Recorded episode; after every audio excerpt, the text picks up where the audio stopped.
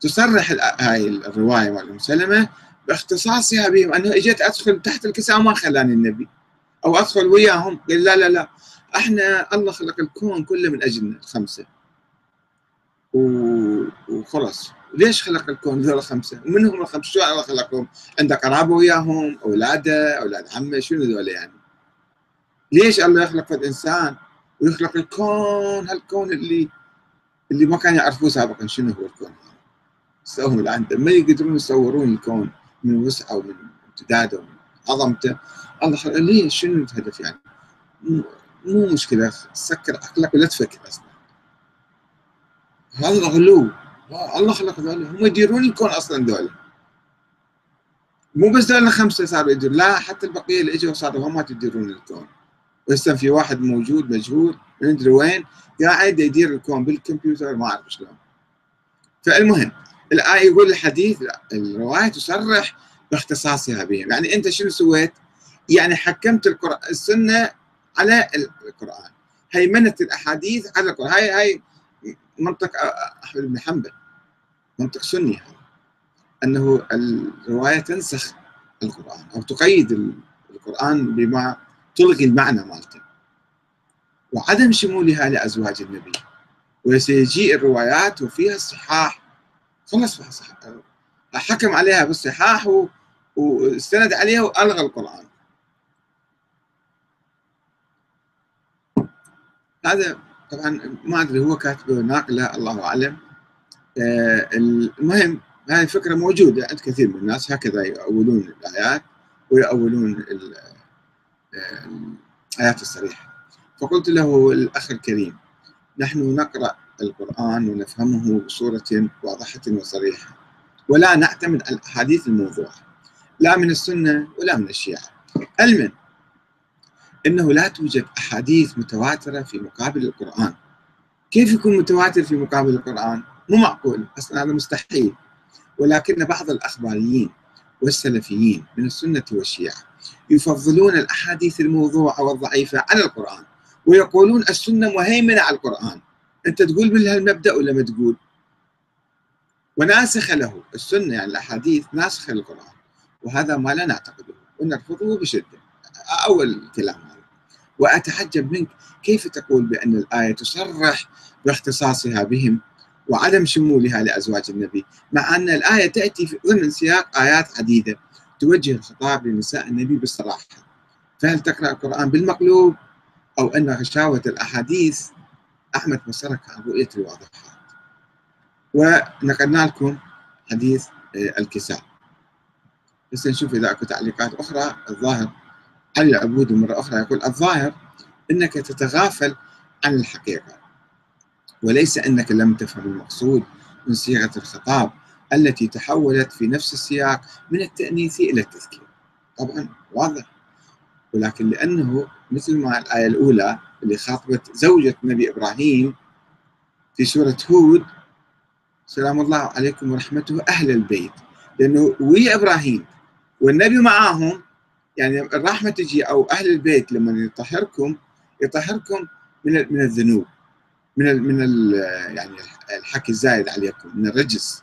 والنبي أيضا معكم فصارت الخطاب صار آه، جمع مذكر. جمع مذكر لأنه النبي دخل معهم فأنت تدخل أي واحد آخر. يعني إذا تقول الإمام علي الحسن الحسين دول عظماء كانوا. أتقياء أبرار ورعين داخلين في هذا. مو مشكلة. ولكن ليش تخرج نساء النبي من الموضوع؟ يقول انت بشوف لستن تقيتن كذا ثم يقول عنكم يطهركم. أما أن هذا الخطاب يشمل نساء النبي وجميع أهل بيته فله وجه من الصحة. ولكن أن يختص بهن دون أهل بيته المعروفين فهذا باطل قطعا. بل قال بنقيضه جملة من علماء الشيعة وبعض من علماء السنة. يعني الآن شوية تنزل يمكن. أنه يشمل فله وجه من الصحة أنه نساء النبي هم يدخلن، ليش طلعوا نساء النبي؟ هي الآية واضحة؟ أوكي طيب. ندخل نساء النبي وأولاد النبي أيضا. والإمام علي أيضا يدخل بالموضوع، بس لماذا حذفنا نساء النبي؟ لأنه صار فد فهم آخر مغلوط أنه الآية أسمى يعني تشير إلى الأسمى التكوينية إنما يريد الله أن يذهب عنكم الرجس ويطهركم تطهيرا أنه خلاص أنتم مطهرين معصومين لا الآية ما تدل على الأسمى ولا على الأسمى التكوينية أو التطهير التكويني. تدل على إرادة هالتشديد اللي جاء على النساء النبي وأهل البيت هو تشديد على آه، من أجل آه، تطهيرهم من حكي الناس من كلام الناس حتى حتى يتكلم عنه. نعم. يقول معتمدين على رواية صحيحة وموثوقة السند. مو هو كل الموثوق والصحيح يعني هذا يتم التلاعب فيه.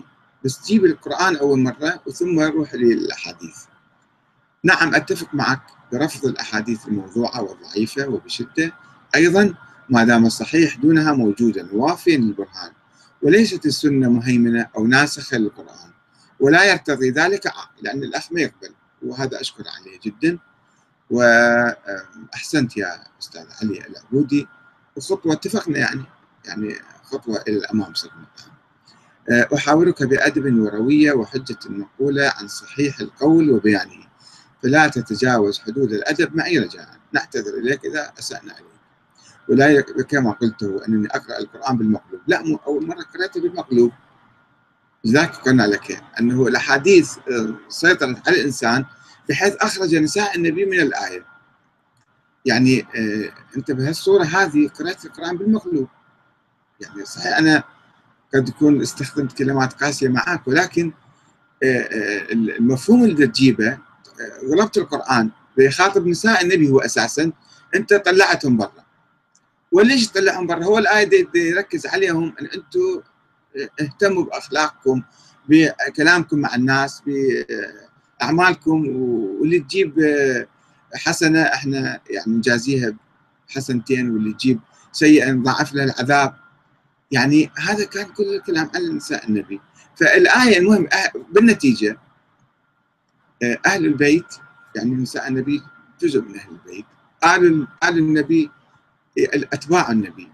وحديث الكساء اللي يجيبون إياه ويطلعون كذا ويجيبون مفاهيم مغلوطة فيه فأكيد هذا من وضع الغلاة والمنحرفين عن أهل البيت وفي مفاهيم جدا مغالية وإلى أن نشكر الأخ العبودي على مساهمته وعلى توضيح بعض النقاط والسلام عليكم ورحمة الله وبركاته.